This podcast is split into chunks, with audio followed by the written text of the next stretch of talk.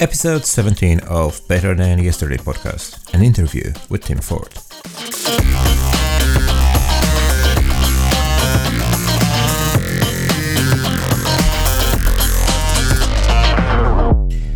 Hi, this is Paweł, and you're listening to my podcast, which in Polish is called Lepszy niż wczoraj. And in direct translation, it means better than yesterday. This is the first episode that is recorded in English.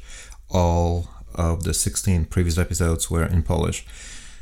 Here's the thing I've been running a Polish channel on YouTube. Um, you can find it in the show notes below.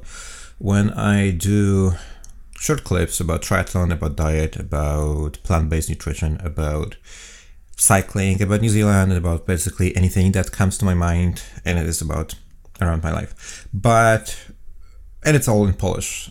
But there are a lot of people worth talking to that are not Polish, and I thought that probably majority of my audience should be able to understand English, and uh, this will give me an opportunity to um, show what I'm doing and what Tim does as well to um, broader audience. So here it is, the first episode that is in English. If you have trouble understanding it, I'm sorry, there will be more uh, coming in Polish. I was wondering if I should create a separate channel for that or I should create a separate podcast to be honest, we'll see. I don't know if it's going to be something that I do regularly or maybe that I do on occasion. We'll see what's the response to this one and if you guys like it or not. Um, few words about me if you are listening for the first time. Um, I'm Pavel, I live in New Zealand, I'm 35 years old. Uh, I came to a sport of triathlon because of my, I wouldn't say obesity, overweight, and in general unhealthy way of living. I was a um, smoker for about 10 years. I um, had a really stressful life before I tr- um, found the sport of triathlon and sport in general, and it all changed. Basically, that's the gist of it. I don't want to tell, talk uh, anything more right now. Like I said, it's not about me here. It's more about my guest, and my guest is Tim. Tim Ford. I met him about two years ago in Thanyapura in Phuket, Thailand. He he is a machine. What he did is beyond comprehension for many people. I would say, uh, because of triathlon, he lost probably around sixty kilograms, but he doesn't want to talk about that that much because every single interview that he gives, every single talk that he uh, does is about weight loss. And this is how he reacted when I told him that I don't want to talk about weight loss, but I would like to talk to him about triathlon, about training, and how he got to where he is right now. Thank you, thank you, thank you, thank you. And man, I have to tell you that this is quite a good piece of information because what he did, he basically finished his first Olympic triathlon within 405, 4 hours and 5 minutes. For an Olympic triathlon, he probably was last or dead last or next to last or something like that. And right now he is aiming for doing 405 for double the distance, which is 70.3 or half Ironman. Uh, his best half Ironman till date is um, I think 417 or 415. So he's getting pretty close there. And I wanted to talk to him about how he got there, how he went from the guy who uh, was able to do Olympic distance in a very slow time to be the one of the top of his, his age group. So this is basically the whole talk. We talked about nutrition a little bit. We talked about training a lot. We talked about what he did to that gave him the biggest progress, etc., etc. So I hope you will enjoy this talk. Please let me know in the comments below. Thanks. I have uh, Tim Ford with me here, and uh, I met him around two years ago in Thanyapura, I think. Um, first time in, in real life, and we've seen each other on, on races a couple times. Uh, he lives in Australia, and uh, while he started with the weight loss um, angle. He's right now high performance athlete uh, on top of the age group, and I would like to to learn from him a little bit about how to get to to that point uh, in the racing career. So, hello, Tim.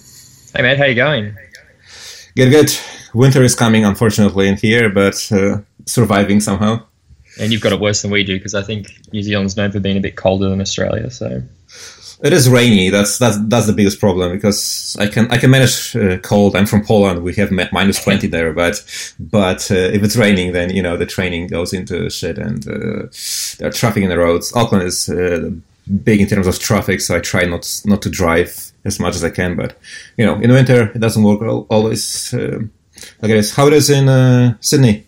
It's it's pretty clear, but it's definitely getting cold. We had a we had a weird sort of hot spell a couple of days, but it's mm-hmm. it's cooled right back down again, which sucks.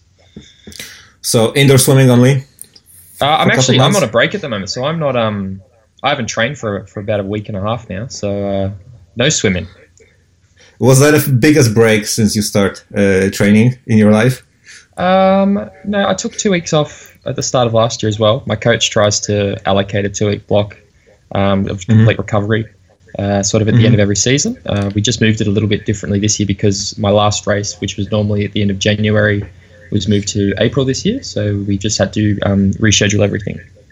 Mm-hmm. Okay, before we start talking about the specifics of your training, maybe just to put in context who you are and how your road to triathlon started, could you, yep. in few sentences, uh, tell people about your journey from uh, from the average guy to a, I would say, big guy to to an athlete?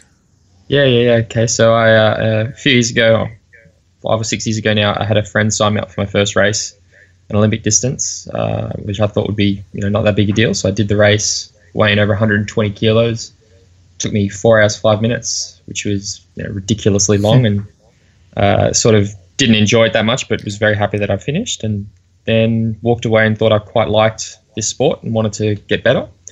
Uh, so I started to train, and in the process of training for triathlon, I lost over 50 kilos and started to get a bit faster and did more races and stepped up to the 70.3 distance. I've done, I think, 20, I think 22 of them now. Uh, and yeah, now I'm trying to do a 70.3 in four hours, five minutes, the same time that it took me to do that first Olympic distance. And you're pretty close to, to do that right now, right? What's your yeah, best time? I did 417 in um, a race in January, and I was hoping mm-hmm. to go four hours ten at my last race, but we had some issues that made that not possible. So I'm definitely starting to get closer. Uh, I think it's it used to be a dream, but I think it's now something that I, I it's a matter of time when I do it. Mm-hmm. So uh, after your first race, that was probably a bit of a disaster. With four, four hours for Olympic distance is a long time to do. Uh, yeah how you said that you started to like the sport straight away, or did you dread it and thought, that, oh, that's that's that was bad? I, I didn't like running. I, I, you know, I took, it took me a long time to like running, but I really liked the bike aspect of the race. Uh, mm-hmm. So I, I started bike riding a lot. Uh, and yeah, like I, I say, I, I, I did, I, I sort of focused on, I went and got myself a, a fancy bike, uh, mm-hmm. did, did a lot of bike racing and bike riding. And then sort of set myself the goal of doing another triathlon to see if I could. You know, I wanted to be able to run the whole 10 kilometers and all that sort of stuff. But I felt, I, I think I, I fell in love with the training more than the actual the sport itself to start with. I really enjoyed mm-hmm. the, you know, having that purpose to train. It, it motivated me in the days that I didn't want to do anything. The the fact that I had a race coming up really motivated me to get me out the door a lot of the times that I didn't want to. Mm-hmm. Just just quickly coming back to the weight. I, I, don't. I know you don't want to talk about it too much, but uh, were you always a big guy, or did you have any athletic background uh, in the past uh, um, when you were younger? When I was younger, I was or, you know my family we were quite athletic. I, I, was never. I would never say I excelled at any particular sport. Uh, I did a mm-hmm. sort of you know a jack of all trades. Uh, mm-hmm. I think the sport I pl- the, the sport I played the most was soccer, but I started to get big when I was about sixteen. So there was a good, you know, 16 through to 24. I was pretty much overweight. Mm-hmm. Okay, yeah, because uh, I'm just trying to compare always people to myself with my with my journey with my journey yep. when I was uh, I did a little bit of cycling and uh, martial art training when I was younger, but I was nothing nothing too serious. But then it was probably over ten years of not doing anything, drinking, smoking, etc., etc. Et I was never oh, that yeah. big. I think I hit ninety at some point, mm-hmm. Uh, with with no muscle. So yep. I, I did hit 90 recently, but on a different body composition, so that was a different story. And um, and uh, I started from there. But uh, yeah, that's starting at 120 must probably be difficult for yeah for running and training in general, right? Absolutely. I, mm-hmm. uh, it's it's funny. I look back on it now, and it, when I was doing it, I, I knew everything everything was hard, and I used to think it was just that I was unfit, but I now understand that a lot of that was probably the fact that I was carrying so much weight, and your body's not really designed to you know, to, to do the sort of things I was trying to do with that much weight. And I think that's also why the weight fell off quite quickly, is because I was forcing mm-hmm. it to do these things, so the body adapted. So how long did it take you to to get to the normal, let's say, like 70, 80 kilograms? Uh, I lost 30 kilos in about three or four months. I lost it very mm-hmm. quickly. Uh, mm-hmm. And that's when I sort of, after that period, that's when I did uh, really start to focus on things like diet a bit more and and my training became a little bit more specific. But I think I lost a total of about 45 kilos over over maybe a 12 month period, and then I really sort of just left it. And it wasn't until a few years later when I really did want to start getting serious, more serious with my racing that I really started to look at my diet the way I sort of am now, where I, I dropped mm-hmm. those last those last again. I used to sit very comfortably around the, the you know mid to low mid to low 80s, and now I sit very comfortably around those low 70s. Mm-hmm. 45 kilograms is a small human, basically, eh? Uh, yeah, I, I, think there was a real moment where I, I, went to the gym and I tried to pick up one of the 45 kilo dumbbells and I, and I literally uh-huh. couldn't lift it up. And I was like, wow. And I used to carry that around me. That was my normal. It was, yeah, it's, it's mm-hmm. those sort of things where, you know, gives you a really direct comparison that, that can be quite shocking. Especially in a high side of, a, you know, two or three years behind, right? Of what yeah, was exactly. there. Mm-hmm. Exactly so when you started uh, after the first triathlon, when you recovered and decided that yes, that's that the training is nice and I would like to do it. How long did it take you to do another try, and what was it, and how did it go? Uh, it was a, it was a it was another Olympic distance. I think it was about eighteen months later, and mm. I went hmm. from I went from four hours five to I think my second one was two hours forty five. mm-hmm again, and I, I, I, think that the thing I really took away from that race was that I actually managed to run the whole 10 kilometers. That, was my, my, my big mission was I don't want to have to walk at all, and, and I managed to run the whole way. So that was pretty good. I was very happy about that. And that was in 2000 and I think it was 2011. Mm-hmm. So yeah, for many people, running 10k is like a, a benchmark of I'm getting fit isn't it? Because it, yeah. it, it, it, actually is difficult to, to be able to run for an hour straight, because that Absolutely. usually means that you that you run for an hour.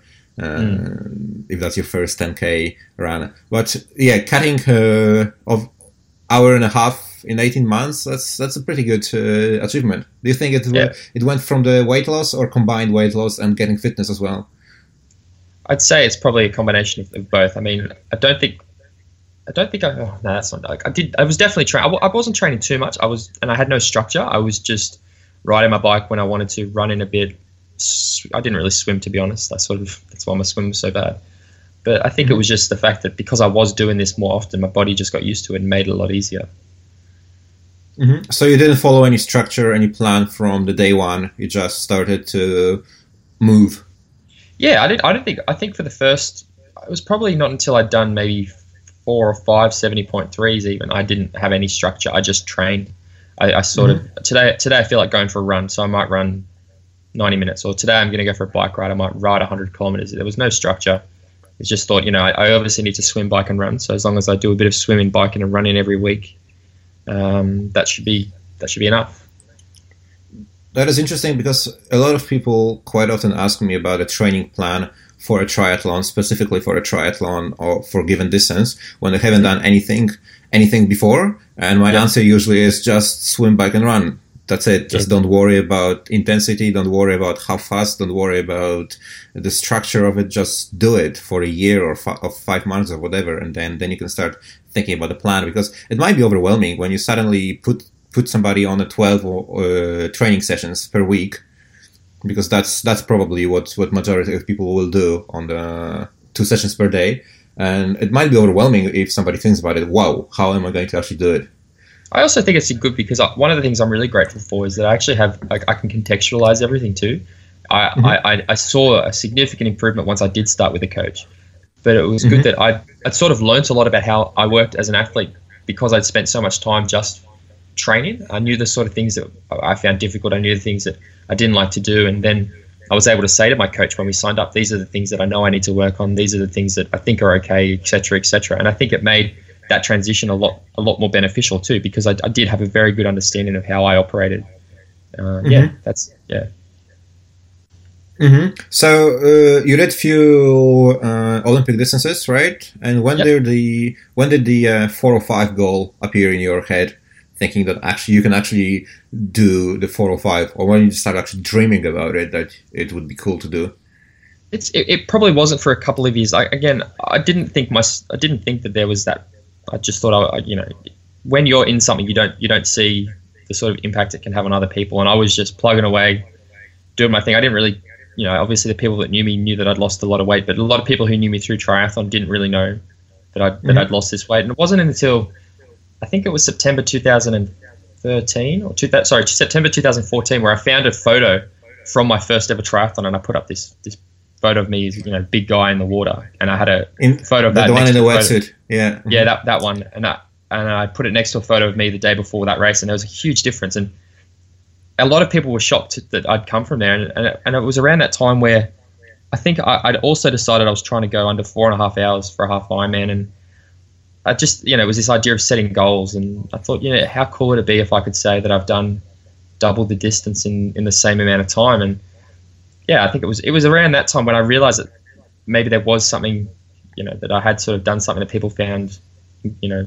some sort of interest in but I thought Mhm. yeah let's let's really start to set myself an ambitious goal because that's something that I I always say I'm, I'm not the sort I, you know I'm, I'm competitive with certain things and sometimes with people but I'm more competitive with myself and I, and I really get motivated in those sort of personal goals more so than you know I always say I don't care if I win my age group I don't care I would rather come last in a race but get an incredible time rather than win Mhm. the race and not go fast like that's that's kind of my mindset hmm yeah yeah. But uh, okay, so uh, you said that he, you wanted to do a 70.3 in uh, 405. How, how did the first 70.3 go?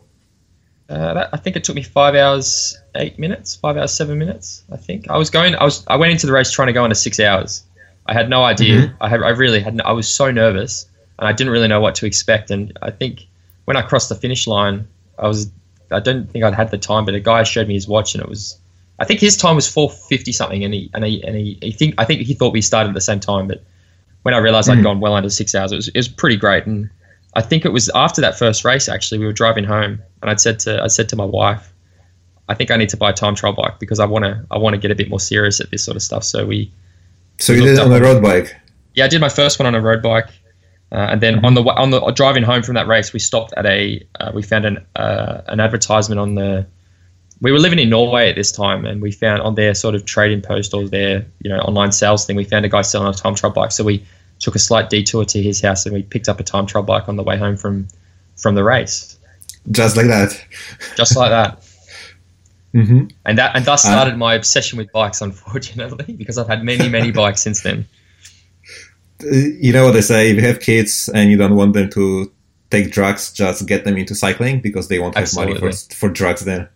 Absolutely And uh, I, I just I just got a new road bike like three weeks ago, so I know what you're what you're talking about. Yeah, what, what sort of bike did you get I got an endurance one. I got a Cannondale uh, Synapse.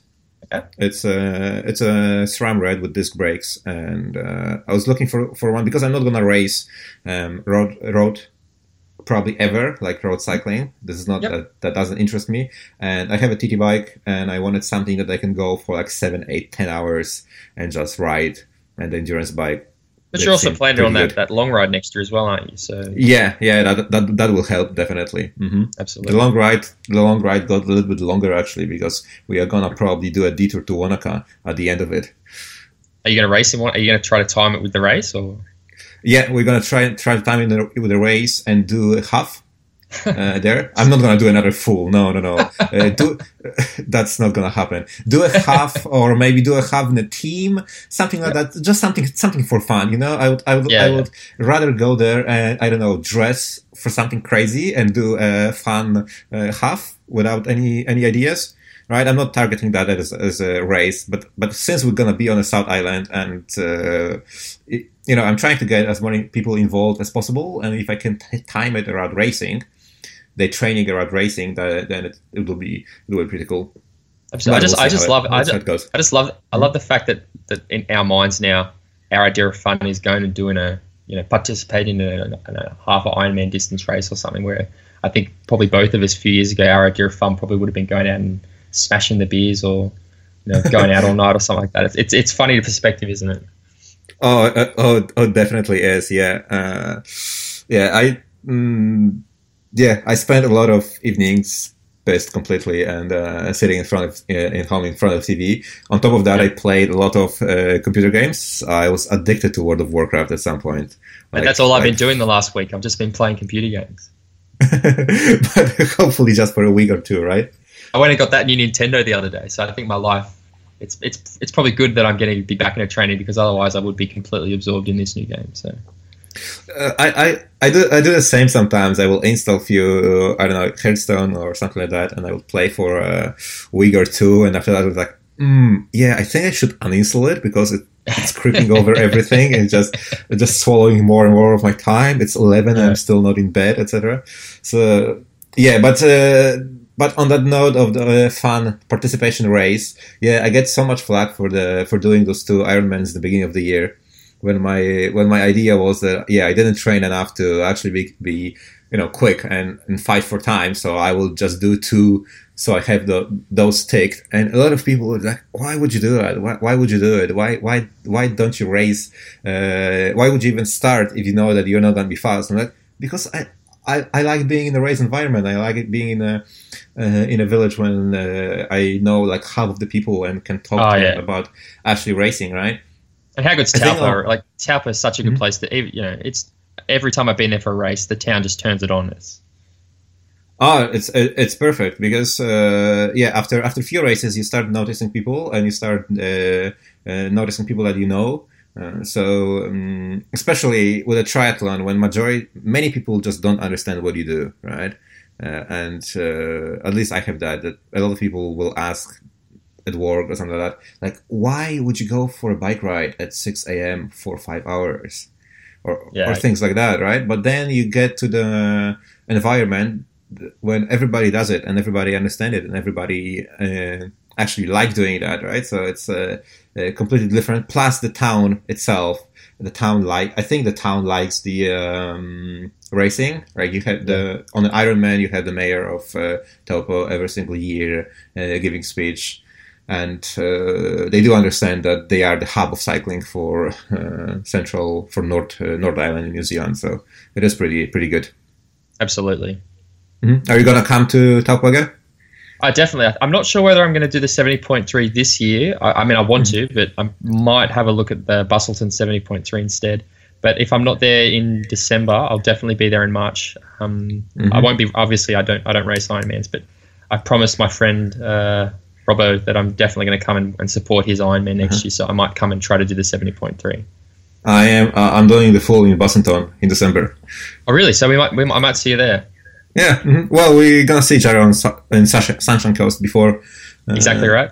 Mm-hmm, and I'm yeah. coming back to doing. I'm doing. Um, I'm doing Port Tauranga, Tauranga half in, in January next year as well. I've already uh-huh. signed up. I signed. I signed up for that on Friday with the that, it's only two hundred and fifty dollars or something at the moment. So I, I signed up for and that. it and it is a pretty cool race, isn't it? Oh, mate, it is. It is such a good race. I had so much fun there this year. So definitely going to mm-hmm. be doing that one again. That that that that was my that was was my fastest one so far. Me too. Uh, yeah, that's that's a fast course, right? Very. It's, it's a great nice. The thing is, the thing with New Zealand is that there are not that many races with a really nice surface on the road, mm-hmm. as well because in the Taupo you can see, you, you, know that the chip is really hard, right? So it, it, yes. it slows you down even or that, right? And uh, on top of that, there are a few small hills uh, and and the wind. But in Tauranga, it's it might be a crosswind, but you just chuck in and, and go. The run is a little bit gnarly about around the mount because you have to go off yeah. for a, for a moment, but. Uh, but everybody go there, goes there for a PB, I just loved it. I loved it when I was racing this year, and I, there's that. I think there's a little section where you have to go over a bridge, and on any other race, you wouldn't even you wouldn't even notice the bridge. You just like this, just a bridge. And I'm like this bloody bridge. God, uh, it's like it's it's the only sort of elevation on the entire course, and I really noticed it because it's such a flat course. It's it's funny. Yeah, you have like 50 meters of elevation over four, over 90 k or something like that. It's it's pancake flat, right? Yeah, it's ridiculous. Yeah. Mm-hmm. What was your time on the bike on the Tauranga this year? Uh, two eighteen, but I took a wrong turn, so probably added a you know a little bit to that. So mm-hmm. yeah, it was yeah, and again yeah, I'd just come off. I'd done that Festive 500 just leading into the race as well, so I was pretty, I was pretty fatigued and stuff. So I was, Oh, I was was pretty happy with 500k on the bike in five days, right? Yeah, something like that. I think I did it in. I think it's meant to be seven, and I did it in. Mm-hmm. I did it in five days. I think. Uh, yeah, you're crazy a little bit, eh? Sometimes. Sometimes. I think for the first, I think the first three months of this year, I averaged over 500k a week on the bike. Mm. That is, we, we, we get back to the yeah. We will have to talk about your training uh, schedule and how much do, do you actually spend training. Uh, Mhm. But uh, to come back a little bit to our timeline, so Yep. you are after a first. We were after your first half, five ten Yep. or something like that, right? mm-hmm. And I think 508. st- st- still without still without coach, without a training plan, and Mm-hmm. How did it go from from there? Where did you start noticing like uh, speed improvements to go like 440 ish, 450? Those those numbers that are not crazily fast, but that basically tells that you are actually doing triathlons, not not just getting there from time to time, but actually in a, in the in the sport. So I, I um I went my second race was in December the same year. So I think I did my first one July 2012 and then I raced in December in Canberra Mhm. And I went 450 451 I think. So there's a there's a pretty significant uh, improvement and I rode I rode a 220 that day. So like I, I I assumed that I was I always thought I was a pretty good bike rider. Uh, Mhm. You know, even when I was a big guy, I always thought I could ride a bike pretty well. I completely overbiked because I think I ran a 150 that day. But I noticed to start with, especially my bike time was where I made the biggest improvement. From Mhm. there, from there, I did another one. I think I went 445, but it was slightly shorter than a 70.3. Same thing. I and what I what I you know, I look back now and I realize I, I overbiked massively. Like it was the biggest mistake I used to make was I would bike and just absolutely hammer it the entire time, and then off the bike and just hope for the best. So Did you train with power at that point, or No, just I- jumping on a bike and being crazy? Yeah, I've only I've only started training with power in the last twelve months. Mhm. Uh, yeah, the so it's, it's literally just I used again I look back on this now and I'm like what an idiot. But I used to just get on the bike and every ride I'd do I'd try to ride as hard as I could. So I'd go for 100k and I'd try to do it. You know, can I do it in under three hours today or you know what? And I'd always sort of do the same rides and I'd always try to improve on the previous time I'd, I'd done. Uh, that's that was and I, there wasn't a lot of there probably wasn't a lot of it was it was mostly maybe one long ride outside and then I would do a lot of work on the stationary bikes at the gym. I, I used to be a spin instructor at the gym, so I did a lot of those mm-hmm. spin classes and stuff like that. And when I wasn't instructing anymore, I still did a lot of them. When I was working, I'd go on my lunch break and do it. You know, I used to think they were quite good for developing speed in the legs and a bit of strength work. But again, mm-hmm. without without any real sort of plan, there was there was no no specific work or anything like that. It was just yeah, if I ride hard every time, surely I'll get better. Uh, the run, I, I just I just kept running, and the same thing, same approach to my same approach to my bike. You know, I would just run and try to run as hard as I could. I was obsessed with getting my runs down to this four minute thirty pace, and it, and it Mm. always seemed it always seemed like it was going to be impossible because every run I'd go, I'd absolutely bust a gut, and I'd never get there. And it, and it was and it's funny because now, I mean, for me, four thirty pace is pretty slow actually, and it's so funny how I actually slowing myself down in my training and doing specific work is that I, I, made so much more progress so much faster. So I think, yeah, I think it took me, a, when did I go? I, went 440 at that weird race. Then I slowed down because I broke my ribs. So then I did a race in Cairns. I had broken ribs. I went 512, I think. Then I did a race in Sunshine Coast and I wanted to go 445. I went 445. Then I raced my first time I went to Phuket and I did a race over there and I think I went 523 but I had I had some mechanical issues on the bike and it's you know hot like an oven and it wasn't until that- the next It Yeah, is sorry? a hot day. It is a hot race. Yes. oh such a hot race God. Mhm. and then it was in January the next year that I, I did that that first Melbourne race uh, and I went 444 and I rode a 219 and I just Mhm. gotten myself a new time trial bike same thing as usual I overbiked struggled on the run but I said to myself that's it I want to go I want to go under four and a half hours and I got in cut, I got in touch with my coach because he obviously just started coaching I said mate I want to go under four and a half hours and I want you to help me do it and Mhm. that's when that was probably yeah that was the start of 2014 where I where I signed up with my coach. Are you still with with him? Is it Ben Hammond, Yep. right? Yep, I'm still with Benny. Me and Ben Hammond, three three and a bit years. I'm actually he's uh so Ben used to be a pro athlete. He he's given up his pro license now. He's a sports scientist with a, a training platform called Today's Plan. And but he's he's making a comeback to racing this year. He's racing the full Ironman in Cairns, Mm. and I've and I'm signed up for the 70.3 so I can go up there and heckle him when he's on the run course. That's good. Yeah. So, uh, okay, so what? How did your training change when you started working with, with, with him? Did he, did he basically slow you down, put you on a 2080 more or less, and um, just monitor the uh, the progress, or how did it work? it started the, the main thing was we identified was my swim was horrific i was swimming you know i think I, that last melbourne race where i went 442 or 444 i swam something like 45 minutes for the 1.9k and that's you know that's not very good so he Mhm. really got got me in the pool a lot and I'd, I, and I'd never I'd never ever swum any sort of structured I used to just get in the water and swim for two kilometers you know just swim 40 Mhm. laps that was all I would do so I really noticed the difference in the water because all of a sudden it was, you know, sets of sets of 100s or pre-fatigue in the arms, and then doing lactic tolerance work in the water, uh, speed sessions, uh, race pace specific sessions, you know, structuring structuring your swim so replicate that, you know, start very quickly, then get into a consistent pace in the middle, and then in, accelerate again at the end to replicate race conditions. So I, I really dedicated. I, I, I mean, I, I hate swimming. I really dislike it. I like it when I race and stuff, but I really don't enjoy swim training that much. So, but I Mhm. really commit. I committed to the swim training. Uh, in the others, the run again, same thing. I used to just go for a run. Ben introduced a lot of intervals and accordion runs and know, negative splits and all those sort of things. And again, these are things that I'd never even thought of doing.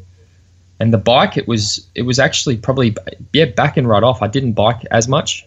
I did again more slow, steady stuff um, with some race specific work. The closer we get to races, uh, as we've so I've you know I went and got myself a pretty fancy bike trainer last year. So we do a lot of work now, very specific on the bike. So and, and again now that I train with power, that makes it a lot easier because we're able to set up the intervals and uh, two specific powers. So it might be 20 minutes at this wattage, then 20 minutes at a higher wattage, or, or exactly you know those sort of things to build build up a higher FTP and those sort of things. And and again, having Ben, who is a sports scientist, and you know he does work for this incredible training platform, TodaysPlan. It's used by Team Sky.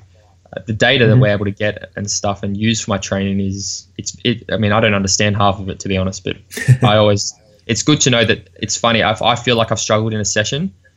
I might have still hit the numbers that I need to, but I, you know I really had to dig- deep. It's it's it's amazing that, that the software shows that because I'll get an email from Ben saying, you know, what happened? You were struggling. This wasn't right. This wasn't right. And it's like, yeah, mate, I'd you know, a bit fatigued or whatever. And yeah, it's it's it's completely changed that not just the way I train, but the way I I approach my training. I think I really I understand the purpose of each session now, as opposed to just going out and getting it done. I know that each session, if it is, even if it is a forty-five minute easy run where I'm not meant to look at my watch or not even wear a watch, I I understand now why I'm doing that sort of thing, Mm-hmm. and I think that's a So- big difference for me. So. And in terms of uh, volume, uh, how did that progress? Because right now you are, apart from the last two weeks, you're on a crazy volume for uh, an age grouper. I, th- I would say, right? Yeah, uh, it was for again the first couple of years we were probably around that, you know, ten to eighteen, you know, 15, 20 hour, depending on. I saw you know with with my degree, and I, I mean I was working part time. I'm not I'm not I don't have a part time job, but I still do some work now. Um, I was it was yeah I'd say about 15, 16, 17 hours a week of training. Uh, in the last few months, maybe the last six months, it's uh, well, actually, that's not true. In the lead up last year to my, my A race, the volume again started out very high. Uh, lots of lots of you know easy, long, slow miles that would then, as the as the intensity would increase, the, the duration would shorten. But at the start of this year, we really wanted to build a really solid bike base. So there was lots and lots and lots and lots of bike riding. Um, and then as the race became closer, the bike the bike miles dropped right off, but the run miles increased. Mhm. Uh, yeah, But yeah, I do. I do train a lot. so you're probably around 30 hours, right? uh, in those no, that in those craziest weeks. the biggest the biggest week I did this year so far was I think 33 hours, and that's when I was in Thailand. I'd Mhm. say I'd say 25 to tw- you know, you know 25, 26, 24. That'd be pretty. That'd be par for the course, I'd say. Mm-hmm. And uh, swim, bike, run. How does it compose? How much Um, swimming? How much cycling? Running? We, we identified that my swim's not very good at the moment, so we're going to sort of. I'm about to go into a big swim block, so we didn't really. I was maybe only swimming three times a week, so maybe Mhm. maybe what's that? Maybe an hour and a half to two hours of swimming a week. The bike, as I said, was up around five or six hundred kilometers a week, so that was yeah a lot. You know, I don't Mhm. even know, fifteen hours plus, and then the run, uh, especially those last few weeks, there was I was running 50, 60 k. You know, I was doing two or three 20 plus k runs a week, but not just not just you know going out running 20 k. It might have been a one hour warm up and then an accordion set of you know three minutes above race pace, three minutes slightly below race pace, repeated 10 times, or or it might be you know 20 minute warm up, 20 times three minutes at race pace with a one minute float recovery in between. Uh, so Mhm. yeah, the, the the run volume was again pretty high, uh, maybe yeah seven eight seven eight hours something like that. Yeah. Mm-hmm. So uh, this is when you start working with Ben. You've noticed that. wh- When is you? What I want to ask: When did you start thinking about yourself not as a person who lost a lot of weight as and is into fitness right now, but actually is an triathlon athlete, a triathlete who will go fast and will start winning or being in a podium of his age groups?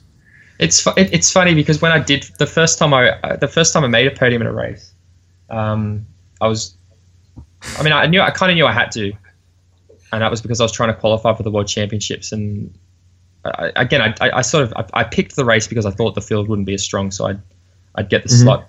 So the first one I didn't you know I didn't really think that much about. But the, the next time I made the podium, I actually won my age group, and I, I was completely shocked by it because I'd never thought of myself as yeah, exactly as, as a sort of contender. And it went and it went winning one, and then I won. The next week I won another one, and then the next week I came third at another one. And was, it was that around the this. uh, 2015 uh, mm, Yeah. Phuket to Taupo, right? Yeah, so I went. I went. Oh, yeah, I came. I came third in my age group in Bintan. I went to Phuket. I won my age group at Laguna Phuket Tri. Then I won my age group at Challenge Phuket, and then I came third in my age group at Taupo seventy point three. And it was around that point where I went like, "This isn't meant to happen, mate. Like, I'm not meant to. I'm not that guy. I'm. I'm the.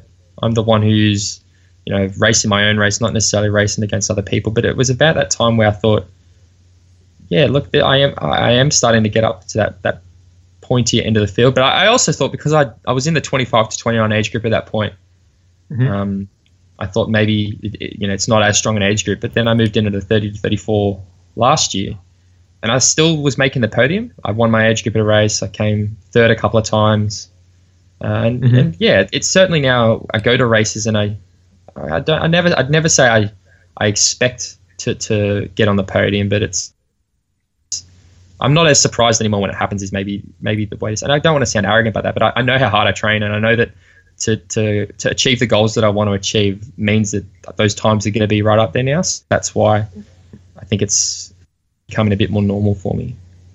hmm I enjoy your uh, race recaps usually. By the way, I've been on the on the um, Phuket. That's uh, when you won tho- those two those two races.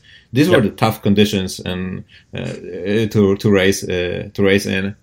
Yeah, That absolutely. heat, man. I, I remember it even still. I haven't been in Thailand uh, ever since, and I, I will go eventually. But yeah, that I, I remember that heat even now.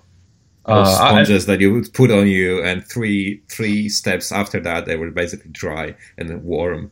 Yeah. Yep.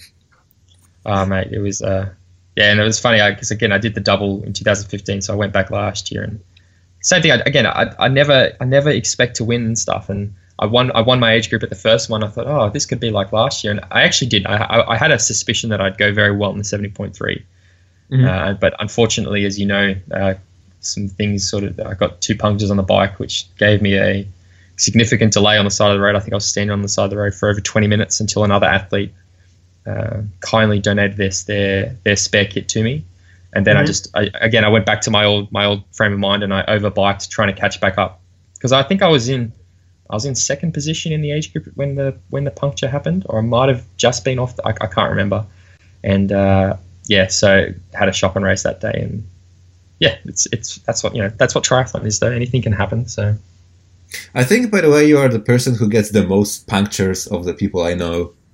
tell me about it. Like, what was the story recently about how many you got? Three? Oh no, in, in Melbourne, it wasn't. It was. Yeah. Uh, so I got a puncture, and again, the, uh, that day was it was just a bad day. It was freezing cold. It was very windy. I'd, I'd had a bad swim. I knew I knew I wasn't going to have my day, but I just sort of was going to. You know, I just wanted to enjoy it, and I got a puncture seven kilometers from the end of the bike, so at 83k. And I, I, I was laughing because it was like just you know it's typical what you know what else can go wrong today sort of thing. And I, I you know it was it was so cold you could barely use your fingers, but I managed to you know I changed it and I learnt because of Phuket about you know I made sure there was nothing in the inner you know nothing inside the tire that could repuncture it. Checked the rim, there was nothing there. Made sure there was no pinches. Put the tire, you know, put the inner tube, put the tire back on. Got my CO2 canister. When I inflated it, not like no, it, it made this. The air came out the side of the out out the side of the tire almost. Mm. I thought, fucking hell, don't tell me I've done it again. Like I've done something wrong. I don't have another spare. I'll keep, you know, I'll, yeah. that's so basically I made the decision. I was seven kilometers from transition. I'm gonna, I'm gonna walk with my bike. I'm gonna run my bike because I want to finish this race. Mhm. And probably after about five kilometers of walking and running, uh, a friend of mine who was racing, he gave me his spare set.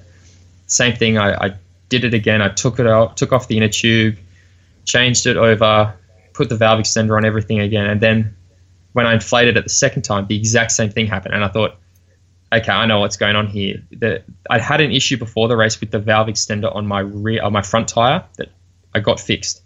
But this was the same valve extender that I had a problem with was on my rear, and the Mm. valve extender, the valve extender wasn't wasn't sealing with the uh, the valve on the inner tube, so the air was not going into the inner tube, which is what was the problem. So the, the inner tubes were fine. It was this this valve extender that basically made it impossible for me to inflate my inflate my tire. So I, I, I ran the I ran the last seven kilometers of the bike leg for the brilliant bike split of three hours fifty six minutes, uh,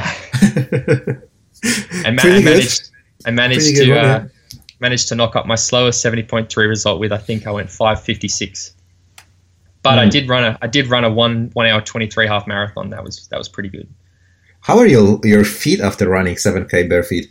not good, mate. I had I had this. It's funny because a lot of people have said to me, "Oh, you ran you ran your PB because you didn't bike the you had you had a chance to cool down." And I said, "Do you have any idea how hard it is to run seven kilometers barefoot?" Like it, it was, I, I- my legs were sore. Like it was it was cold. The bottoms of my feet were covered in blisters. Um, yeah, yeah, I had I had trouble walking for a few days after the race. Like my my the bottoms of my feet were so tender.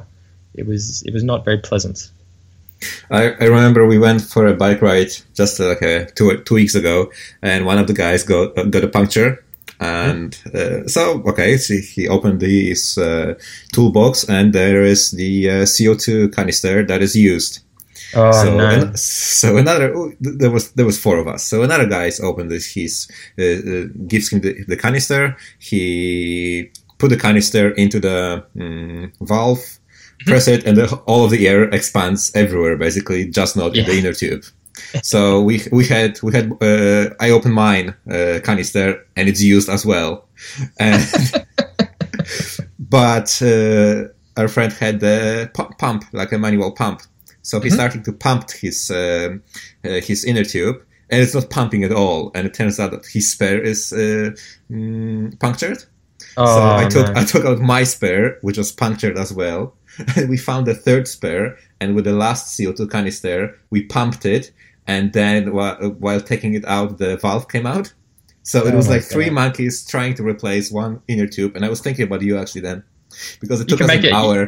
It, it, was it took us an hour. I had a video out of it, and I, I have to put it somewhere because it, it yeah. And then we we cut it short. Thankfully, we were we were close to home because we wanted to do like 100, 120k, but after 70 and having no spares, no punk, no no CO2, nothing, we just yeah, let's just go home at this point. Absolutely. But yeah, I was thinking I was thinking about your race at that point. I was like, yeah, he, he did something like that. I'll tell you what, though, I'm very fast at changing a spare now. I, I must it. say yeah, that I haven't changed the spare in a while, and I'm scared actually because I, I never no good got a puncture in a race, and Oh. uh, and uh, I'm I'm just waiting for the first one because it is going to happen eventually, right? Well, that's what I'm happened to me. how's gonna, a, how's it gonna be? Yeah. I didn't have a puncture for like my first 20 races or something. And I thought, oh man, this I know it's going to happen.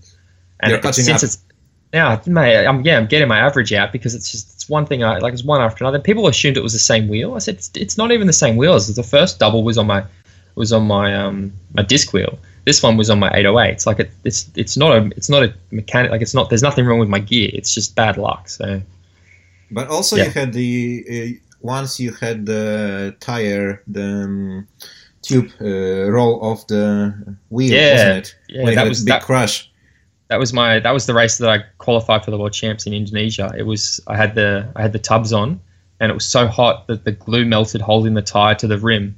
And as I took a corner, the the tire rolled off the rim, and, and my back wheel went from spinning at 40 kilometers an hour to not moving. Uh, came off pretty hard that race. That was yeah, that wasn't that wasn't a very pleasant experience. I don't ride tubs anymore. Let's put it that way. Learn a lesson, eh? Yeah, I always, absolutely. I, I always wonder how to replace that on the on the race, and uh, yeah, I have I have regular um, tubes on mine, and I'm I'm happy with it. yeah, exactly. Mm-hmm. Less less hassle.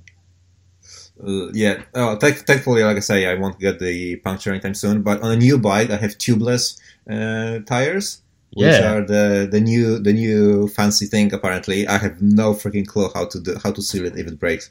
So I will learn hard, hard way at some point, or I will just have to learn learn because there is no there's no tube inside, right? Exactly. I, what's the valve like on those things? I've always wondered. There, so the valve is basically like a loose piece that uh, that you put in a apparently in a um, wheel, Uh-huh. and then it all seals. It seals itself from inside with the pressure of the um, of the air, right? So what you can do, you can you can run a little bit of sealant inside, so the sealant stays there. So when you get a puncture, it will just reseal itself.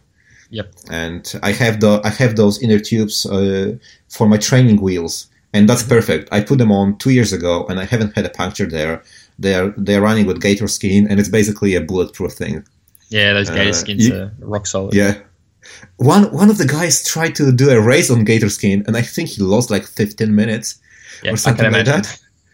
Yeah, because that's that that that must be the slowest tire in the. Uh, Might as well put a parachute on your back. A little bit, yeah. Oh man, how many people I saw in Wanaka basically with parachutes?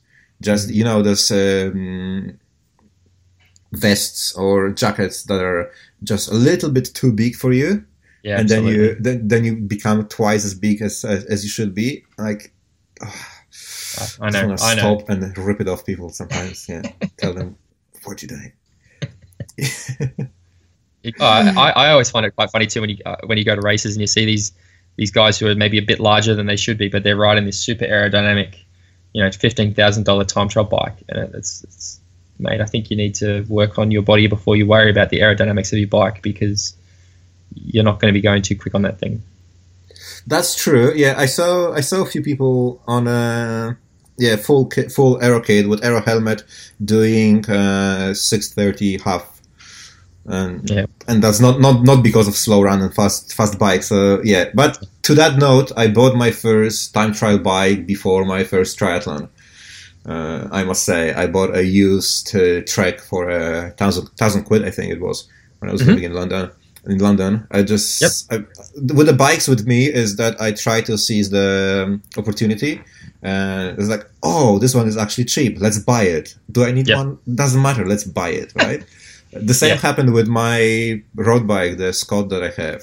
I just logged into the Trade Me, which is the New Zealand version of eBay, Mhm. and and oh, there is a bike. There is an auction, and the price right now is pretty low. Let's watch how it's gonna end, and it's ended up being below one thousand dollars, which is well, Very cheap. like very cheap for a carbon uh, frame.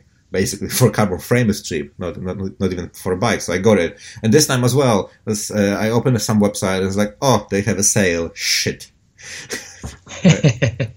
But so I have a so I have a so I have a new bike. Yeah, it will take a while till get, till I get the next one. I, I I'm pretty sure. Now I have to. I I, I have to. I, I'm telling myself that I have to get faster before investing any more into a gear because there is no point. I got to the enough. point on the bike when I when I start feeling that I'm actually doing well. Mhm. on the bike. Everything else is shit, but uh, but the bike is the bike is good. I'm getting I'm getting there. Yeah, the last Yeah. year I, I just I just uh, there was just too many things on the on my head. So the only thing I could do is jump on a wind trainer. Yep. And and and doing a lot of work on wind trainer will make you fast on a bike. That's Oh, that's mate, hundred percent. It's the most. It's the most valuable piece of training equipment that I own is my is my bike trainer. Because you have uh, Neo Tacx Neo, Yes. right? I have the Huh? taxi. enjoying it. Yep. Enjoying it. Uh, I have a love hate relationship with it because I love the benefit, but I hate how hard it is Mm-hmm. because you can't cheat on that bike because it, it, it controls the wattage for you. So if I set in, if I want to do 280 watts for 20 minutes, no matter how tired and how slow my cadence gets, it means it makes you ride at 280 watts. So it can be quite horrific. It is, especially when you get uh, like below 60 cadence, because then you Oh, have to start pushing like really hard. And, And, that, yeah, yeah, I have the same. I have the Wahoo Kickr, and I do Mhm. mostly with the TrainerRoad. And some of the sets on the TrainerRoad are set up by maniacs because you cannot Yeah. even explain it in a different way. Like you, you, you just start the first interval, and I'm thinking, how the hell am I going to do the fifth one if I'm struggling on the first one? one but of- it's usually the- like this: the first one is bad, the second, third, and fourth are actually okay because you warm Yeah. up, your body just gets used to it, and the fifth is the one that you want to kill yourself absolutely. on the last one. hmm What did my my coach gave me one last year, and it was I think the last interval was 15 seconds at like 600 watts, and I, I, physically could not turn the pedals. The, the resistance was so high. Yeah, uh-huh, that's what happens. You just you just Yeah. stop, right? Yeah, it's just Uh, like my- erg mode temporarily off. Like no, just ah, yeah, it's my very my benchmark, my benchmark for um mm, for a tu- turbo trainer and for bike is you know the bank session for the MaccaX uh, sessions those those I old do. ones. Yeah. Yep. hmm So I do that one. I made myself one uh, in, in a in a TrainerRoad, so it's Mhm. fully automatic, and I do that one like once every three months or something like that. And Yep. when I cannot and, and when I cannot finish the last set, then I think, okay, I'm, I'm, I'm, my numbers are okay. But when I can can finish the last set, then I'm thinking, "Ah, I probably should uh, up the FTP because I shouldn't be able to because that session is crazy as well. It's funny. I um I haven't done an FTP set for a while, but I, I similarly have a session that I it's like, I, I call it my go to session. It's Mhm. it's it's a set of it's a what do I do? I do a thirty minute warm up, then I do thirty one minutes, and I think I've got I've got the watts at three hundred and twenty at the moment, Mhm. and then I do a thirty minute cool down. So it's a two hour two hour session. Sometimes I extend the warm up and cool down to an hour if I want to hit three hours on the bike, but it's always those 30, 31 minutes. Mhm. And yeah, same thing. I, I know I'm going pretty well when I can sort of do the session quite comfortably, and it's the sessions where I'm struggling to get to 10 that I go, okay, I'm uh, either very fatigued or like something's not quite right. But I haven't done an FTP test in, man, probably 12 months. I'd actually be very curious to to, to do another one. I'm probably, I'm, I say that now, probably going to have one in the next couple of weeks, which is going to be pretty horrific, I think. So, Well, well, after the after the break, you'll probably be around 300, right? Just just think- below. Yeah, I think so. The last time I did it, Mhm. uh, the last time I did an FTP, which was yeah, probably 12 months ago, my FTP was 290, 291, 290, something like that. And I'm Mhm. pretty sure that you know the the amount of bike work I did the last 12 months. Um, I mean, I, my my watts in a 70.3 now are around the you know for the 90k around 270. So I'm pretty sure Yeah, that I'm over. I've got an FTP over 300. So So I can do 245 on a half, 250 on a half. Mhm. Uh, and my FTP is 300, so you will be like 330 probably, something like that. Yeah, something like Yeah. that. I think I think it was Taupo. Taupo is the last one I rode honestly for the, the ninety, and that was Mm-hmm. two sixty seven. I think I averaged watts there. So Mhm. again, I, my, my my power knowledge is growing because I've only been using it for twelve months. But it's I actually it's it's probably another one of those very smart decisions I made was to start training with power. I think it's a very useful tool. It makes it makes it easier. Well, not Definitely. easier physically, but easier in terms of uh, bang for buck. Mhm. Because you actually know what you what you need to do. Because I, I do help few people with the with their training here and there, Mm-hmm. and and when they go on a bike and they tell me to ask me to plan the intervals, and I'm just like, yeah, like I don't know, Oh honestly, definitely. right? Because especially when somebody doesn't have any data because if you have the data with even the heart rate or the speed or whatever then you can interpolate something right but if you if you don't have anything because yeah i cycle a, i cycle a bit here and there and No. there's like okay so yeah I, I do. I, I coach a number of. I coach about. I think I've got Mhm. six athletes at the moment that I coach, and one of the one of the athletes I've been coaching for well over a year now. She's never had a Garmin or any sort of device, and every year it's her birthday, Christmas. I'm begging her. I'm like, just please, please ask your family for for a sports watch or some form of tracking device, because I just I need to see what you're doing. You, you I set you these sessions, and you say, yeah, I did it, but I need like I need to know, man. You, you're, you're killing me here. I need I need more data. It's uh, it's Mhm. very it's it's it's funny. Uh, yeah. On that note, I, I remember when I started working for a while with John John Newsom. Uh, Mm-hmm. That was before after, after my first Ironman and before the uh, end of 2016 was it? Yeah. No, be- beginning of 2016. Uh, Yep. for, up to top of 2016. And when we started working together, I sent him the access to my TrainingPeaks, and he was like, "Wow." For once, I have everything I need and I want because you have you have all of the sessions. I had this. I, I I'm I'm a data freak, right? I uh, Yeah. I'm a programmer, so I, I I love data and everything is there. Everything is. Uh, as if I can uh, wear something, I will do it. I I almost never do a session without any tra- some tracking device, right? It I'm- I'm the happens same. probably it happens probably once every five months when the watch dies. And Yep. I remember that a few years ago, I would be like, shit, I cannot do my training because I don't have my watch on Yep. me. I, I, I had that phase, but right now it's like, yeah, okay, whatever, let's go for a run. Uh, so Mm-hmm. I'm better at this, but uh, yeah, if if there's something to take from it, just record your data as much as you can to anybody who's listening because you might need it in the future and you probably will need it in the future.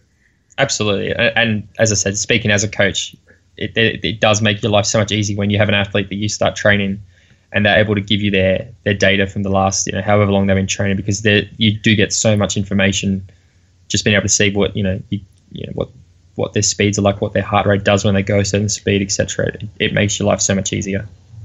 It does. On the other hand, I'm trying to help my, my partner with cycling. Uh, Mm-hmm. And I'm saying that I'm trying to help her because she works a lot and she doesn't believe in tracking anything. Mhm. Uh, so it's it's really difficult to actually remember did she do enough or did she not do enough? And I live with her, so imagine how difficult it is when you have to an athlete that you talk to once a week or something like that, right? What you need to do, mate, I know you're not the biggest Zwift fan, but you should get her on Zwift, and that way, because it, it logs all the data for. her. She doesn't even have to know that it's happening. She can just, you know, ride with the other people, whatever. And then, Well, I put her on a train on a trainer uh, on a TrainerRoad, not a Zwift, but um, here and there, and she does enjoy it. But it's just a time uh, time constraint. But on, on top of that, she does also uh, Pilates that I never uh, know when because she will be like, "Oh yeah, I have it today," and I'm just like, "Oh okay, thanks for letting me know." that right? yeah, we're working on it. yeah, we'll get you'll there. get there. We'll get there eventually. Mhm. uh, and on this, do you train with your with your wife a lot? Uh, uh, no. Out of the blue question. No. No, no, no, not really. Um, I mean, Des doesn't really like triathlon that much, but she does run.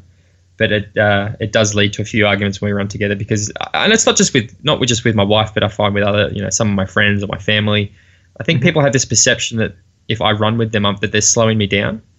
Whereas, uh, as Oh. I say to people, like my the majority of my runs are not fast. Like if I just, yeah, as you said, that 80-20 split, the majority of my runs are very easy, and like, I'm talking five thirty to six minute kilometers. If I just go out and plod along, like I'm not going quick.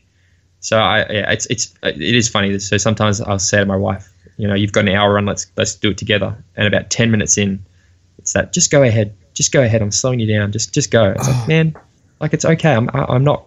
I, I can run with you. No no, I was just going. It's like okay, bye. I'll see you later. Yeah. So uh, Jul- not Julie, not Julie really. does the same. She does the same because I would do it do a crazy training over weekend, and on Monday we are cycling mm-hmm. to work, which is 20k ish, Yep. and she will be apologizing for for us to going slow, and then I'm cycling with her thinking, shit, I'm so tired, my legs Yeah. are so heavy, I'm so happy that I'm going so slow, right? And, Yep. she will be apologizing. I was like, no, that's fine. If I wanted to go faster, I would have uh, fucked off miles before, right? That's what I, I always say to people. Like, I'm choosing to ride with you. Like, I know I exactly. can go do my, yep. but I, am mm-hmm. choosing. So therefore, I'm not gonna, I'm not gonna take off on you. Or, or the other thing I say to people now is, even if it's not true, I often find if I say at the start of a ride, "Oh man, my legs are fucked today. I can't, I can't ride too far." Um, oh yeah. Mm-hmm. Then, then it sort of it disarms people a little bit, so they're not as they're not as worried about it. So that's a little a little sneaky trick that I do. Mm-hmm. That, that's a good one. I have to I have to in, incorporate it in mine. Mm-hmm. Because I, I, quite often do cycle with uh, uh, slower people on my days when I wanted to go slow, right? Because I do yep. majority of majority of my intensity is on a trainer, right? And I mm-hmm. on a trainer, yeah, that's when it, the easiest easiest way to do it. I, I almost puke, or actually puke sometimes on it, and I'm happy there. But on the road, I'm just enjoying the scenery quite often. I find it quite hard to do specific work on the road as well because it is difficult. Yeah, mm-hmm. traffic lights, cars, you know, changes in terrain, etc. So what I do is, yeah, I do my long rides, often with other people, and, again, sometimes they want to go hard, sometimes they go easy, whatever. I don't mind. But if I have, you know, like I said, really specific intervals or or wattage targets, whatever, I, I try to do those sessions on the trainer because I know I'm going to hit those targets exactly. So the only session, a specific session that I do outside on a bike would be the uh, either simulation, race simulation. So you know you, you do 90k mm-hmm. and you try to find it without the lights, or the uh, before Ironman I would do like four hours. Uh, four times one hour at Ironman pace with a yep. half an hour break in between. So then that's a that's a long enough interval that even if you get a light, it won't affect you that much. Yeah. But anything shorter than an hour ish interval, which usually it's a it's a whole ride. Uh, there's no point actually. Yeah, I, am lucky. Just where mm-hmm. I live, there's a there's a cycling path. Um, it follows one of the major motorways in, in Sydney, and it's I think it's 40 kilometers end to end. So if I do have those longer intervals, sometimes I'll go out and do it. I did one a few, uh, actually a few months ago now. It was uh, four times 30 minutes at maximum, like the highest watts I could hold for the 430s. And I think I was trying to average over I was trying to hit around 290 for the three the, the, the 30 minutes every time. And the, the problem mm-hmm. with the, the bike path is it's quite technical. There's a lot of hard turns and yeah. changes and stuff. Mm-hmm. And, and I, I, did it. I, I got the session done, but like it destroyed me. And I remember coming into the 430. You look at your average watts, and it might you might have. I think I hit around 287, pretty much average.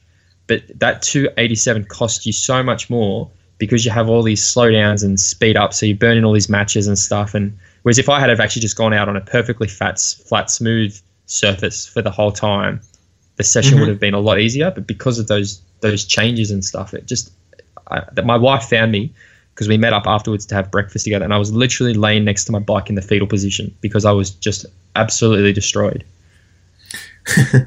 but yeah, we have a cycle path here as well, and it's the same. So a lot of turns, a lot of people on this on the cycle path. So you kind of just uh, tag in and go.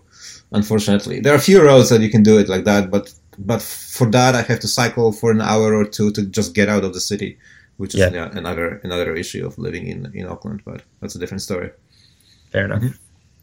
Yeah. So, how does it, your usual training week look like? Uh, if you are preparing for the, if you are in a race prep, not on a base, but but closer yep. to a to a race. Uh, how do you how do you manage to how do you manage basically to do so many hours? I know you don't work, but you still have university. You still do some some work, right? So yep, yep it's yep, not only training. You're not a you're not a professional in, in that sense, right? No, no, not at all. I, so what what I've what I learned early on with my degree, because you know law is very demanding, uh, and again having having the part time work as well does present its challenges. I just I really when I allocate time for a certain task that's what it's for. So if, if I'm doing a, a, sw- a, swim, I'm doing it at this time. I'm not doing anything else. Or if I'm doing a bike ride, that's this. If I'm doing my study, that's at this time. Um, I, I, I always say I'm. I have this approach with my training now that it's it's not a question of if I'm going to do it. It's just that's what's done. So I just if that's what's on my program, that's what I do. I I really think I think if you looked at my last 12 months of training, my my average completion would be well over 95%. Like I very rarely miss sessions. Mm. Um, the, the, the breakdown is, as I said, is probably on a normal week three or four three or four swims. Um, the longest being about five kilometers, the shortest being maybe three. and there's as there's there's normally one speed session that's uh, maybe a set of 50s. Um, then there's some race specific stuff, which is 200s that are at varying paces with some lactic tolerance work. Uh, there's a strength session sometimes, which is uh, normally uh, sets of 200s or 400s with um, paddles and pull boy. And then the, the other one could be anything from a recovery swim sometimes, which might be a, an easy three times 1K. There might be a time trial session in there somewhere. Um, there's all sorts of there's one there's one session that I get which is a set of 75s, uh, which is all you know it might be 15 meters fast, uh, 60 meters easy, 25 meters fast, 50 meters easy, 50 meters hard, 25 meters easy, 75 meters all hard.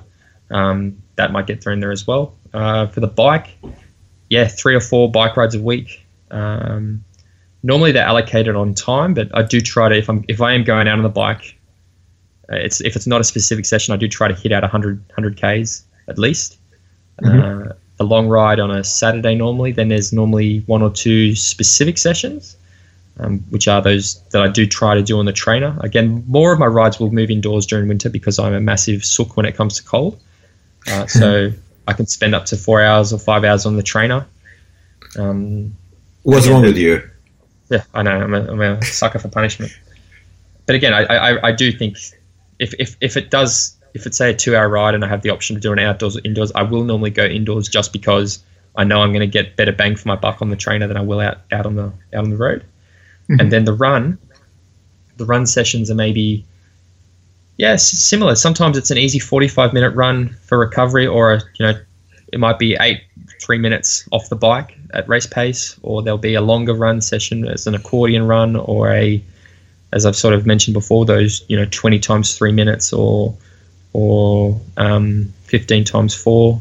Sometimes they'll be longer. One of the runs I get is a is an increasing pace session, so it might be a one hour run, and every 15 minutes my pace increases. So I might start out at about 5:30 pace, but try to finish at sub four pace. Mm. Uh, those sort of there. So that's that's sort of my breakdown. I guess I'd say maybe three or four runs, four or five bikes, and three or four swims. And any, I just, any gym work? I know I, I, I should. I know I, I know I should, but that is probably one thing that I do struggle to to fit in is, um, you know, something has to give. And and I, as I said, I, I think the the things that I should be doing a bit more of are probably stretching and. Um, yeah, a bit of gym work. I, I mean, at the start of last year, I did a bit of work in the gym, but when you're actually training, I just find that it it just fatigues me so much, and it really impacts on my ability to train the next couple of days. So yeah, I, I don't. It, it, it, it does, yeah. Mm-hmm.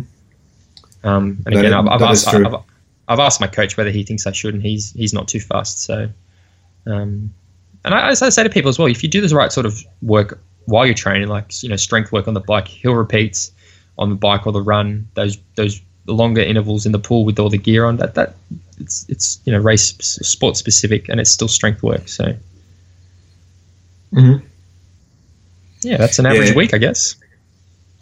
Yeah, so that's a lot of training. Yeah, it is. yeah, I need to I need to up my game definitely. but again, like the my you know Robbo, you know Robbo, he yeah. he doesn't he doesn't train as much as me. He he does a lot more specific stuff because he is uh, you know he is quite time poor.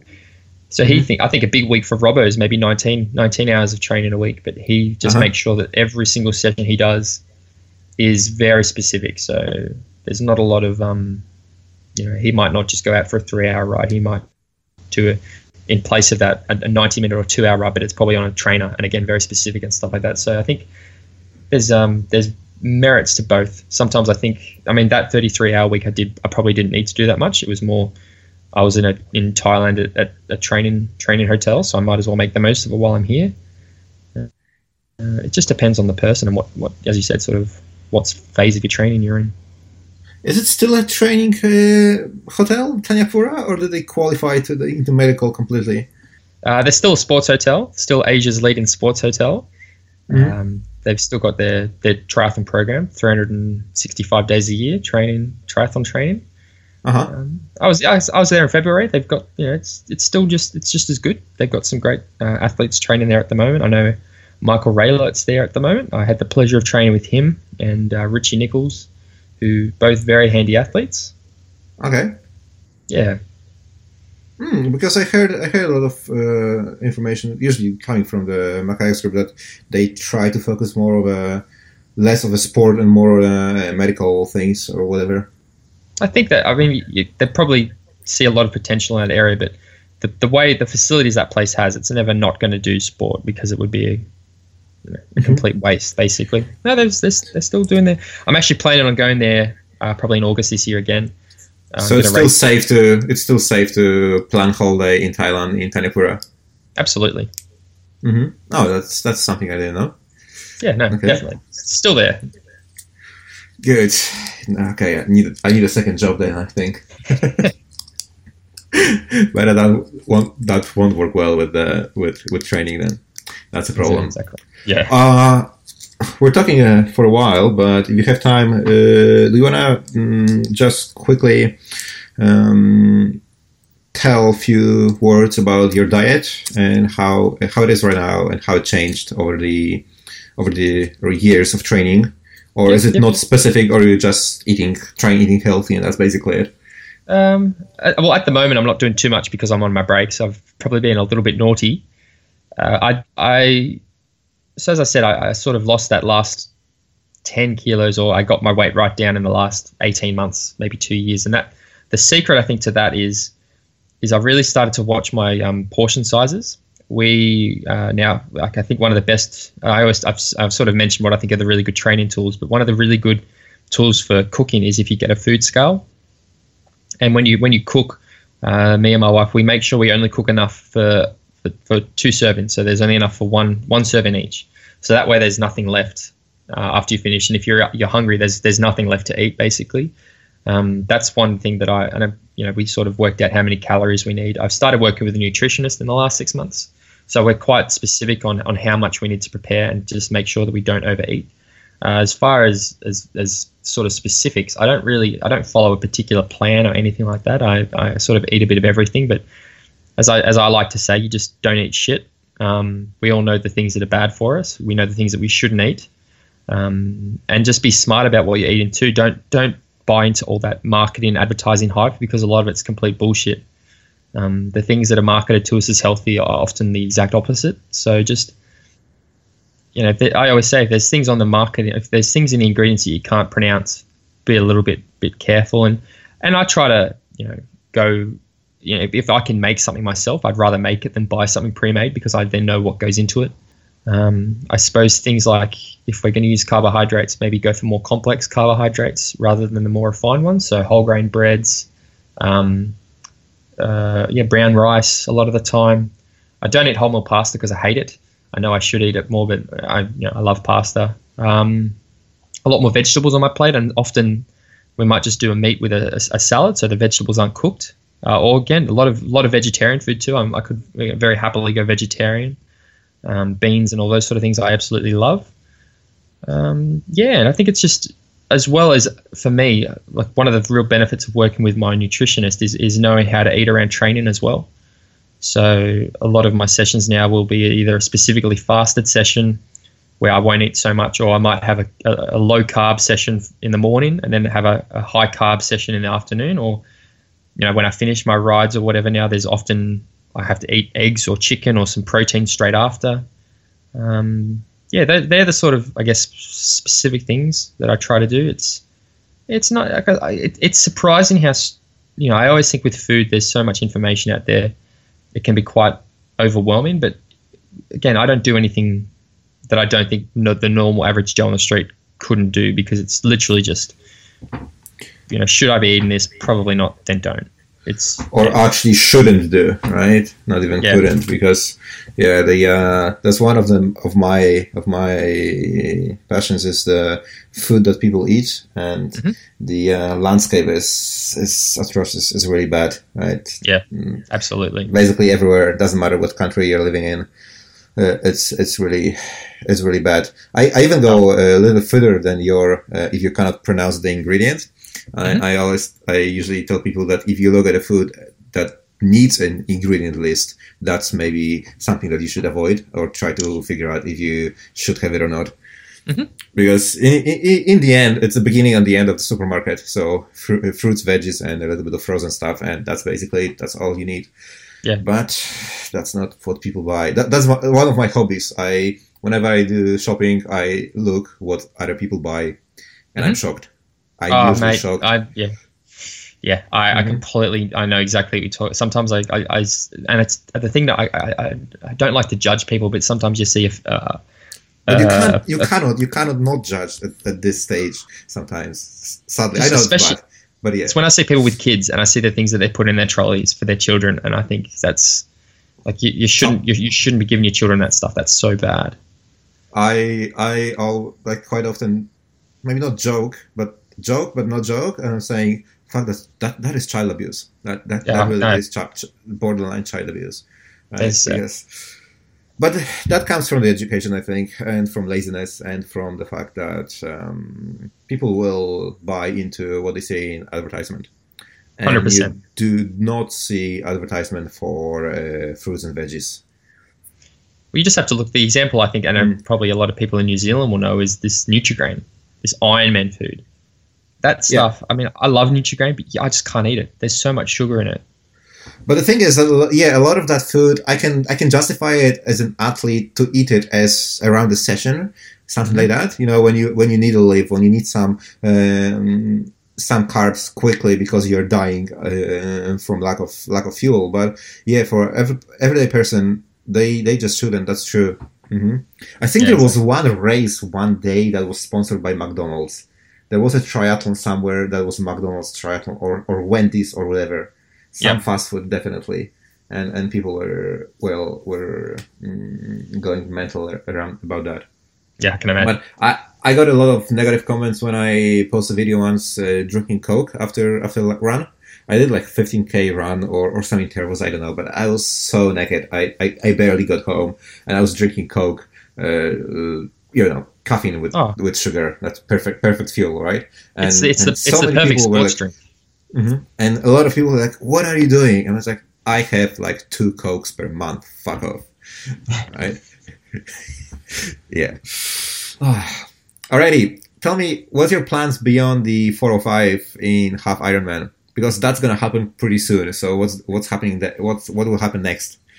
I, I, have, I have no idea, mate. It's uh, it's it's it's it's funny because this year I'm getting a bit anxious because my degree's ending, which means there's a you know a change coming, all this sort of stuff, and it's it is almost something similar that's happening with me with my racing is because again I, I don't like to sound arrogant or anything, but I do think it's going to happen, as you say, quite soon, uh, and it is making me sort of wonder what's next. Probably uh, if I, if I do it, I'll probably consider going longer, doing an Ironman. Um, Well, about freaking time, eh? Everyone says this. Uh, yeah, I think I think I would. Yeah, then maybe look at going longer. I, I mean, my coach has already told me I could do an Ironman tomorrow if I wanted to. It's it's more that I um I can't just do something. If I'm going to do it, I want to do it well. So it would mean I'd probably want to go and do a very fast Ironman to start with, and I'd probably end up having a disaster and all this sort of stuff. So, um, yeah, I think that's that's probably the next natural step. Um, Mm-hmm.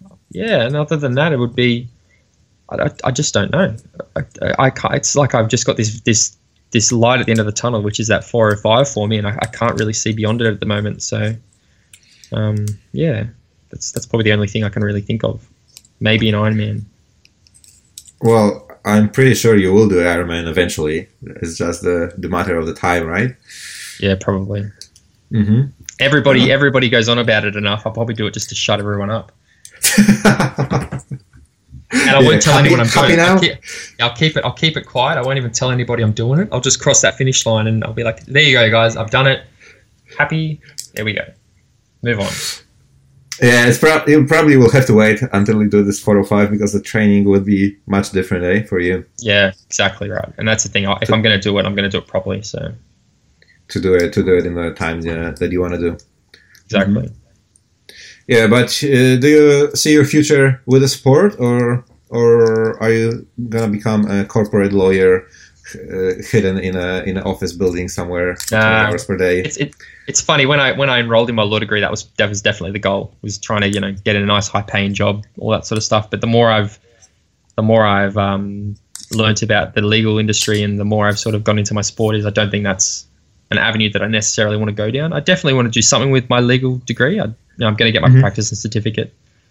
And I, as I sort of say to people, I you know, while I'm able to do this sports stuff, I want to do as much of it as I can. And uh, you know, when I'm 40, I might not be able to I might not be able to do triathlon anymore, and that's when I can really start to focus on my career. Um, I really enjoy coaching.